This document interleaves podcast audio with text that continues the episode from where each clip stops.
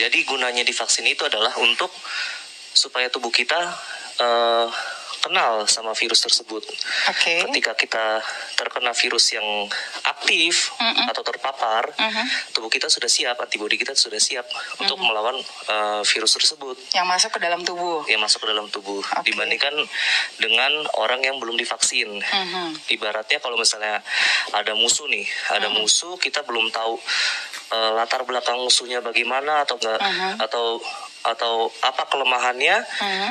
itu pasti kita akan sembarangan aja tembak-tembakin musuhnya gitu Oh kan. ya, oke Nggak- pastinya ya. gitu gitu kan. Ah, ah. Nah, dengan adanya vaksin itu jadi tubuh kita tahu oh ini kelemahannya di sini seperti Oke. itu. Makanya eh, ya itu tadi ya dok ya. Jadi dimasukkan juga ke dalam tubuh untuk ada pengenalan dalam tubuh itu Iya. sendiri. Nah eh, manusia satu dengan manusia yang lain itu berbeda-beda dok. Nah artinya penerimaan dalam tubuh itu juga seperti apa nih dok? Eh, jadi penerimaan dari tubuh itu kan eh, memang berbeda-beda gitu. Hmm, Makanya eh, dari setelah vaksinasi ada namanya kejadian ikutan pasca imunisasi. Oke pasca Eh, ya. ya, pasca imunisasi. Setelah imunisasi ada paskanya seperti apa Ya, dok? Seperti kalau misalnya kejadian eh, pasca imunisasi itu 10 hari plus tiga harinya itu tanpa gejala sama sekali Mhm. gitu.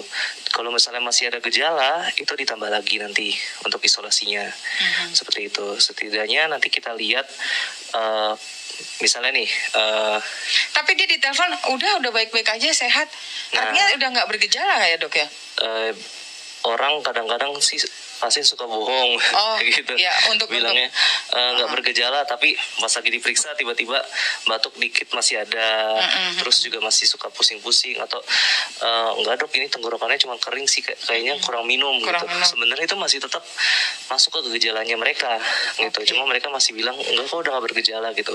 Jadi yang dikatakan sudah tidak bergejala itu adalah setelah dia isolasi mandiri eh, sekitar 10 hari plus tiga hari tanpa gejala benar-benar tanpa gejala misalnya demam pusing atau Udah tidak dirasakan sudah lagi. tidak dirasakan lagi badannya merasa sehat benar-benar fit, segar bugar, itu baru boleh memperhatikan eh, isolasi mandirinya isomannya. dan hasil PCR-nya walaupun positif itu sudah bisa diasumsikan tidak menularkan Menularkan. lagi karena untuk rentang hidup virusnya itu sekitar eh, 7 sampai 10 hari.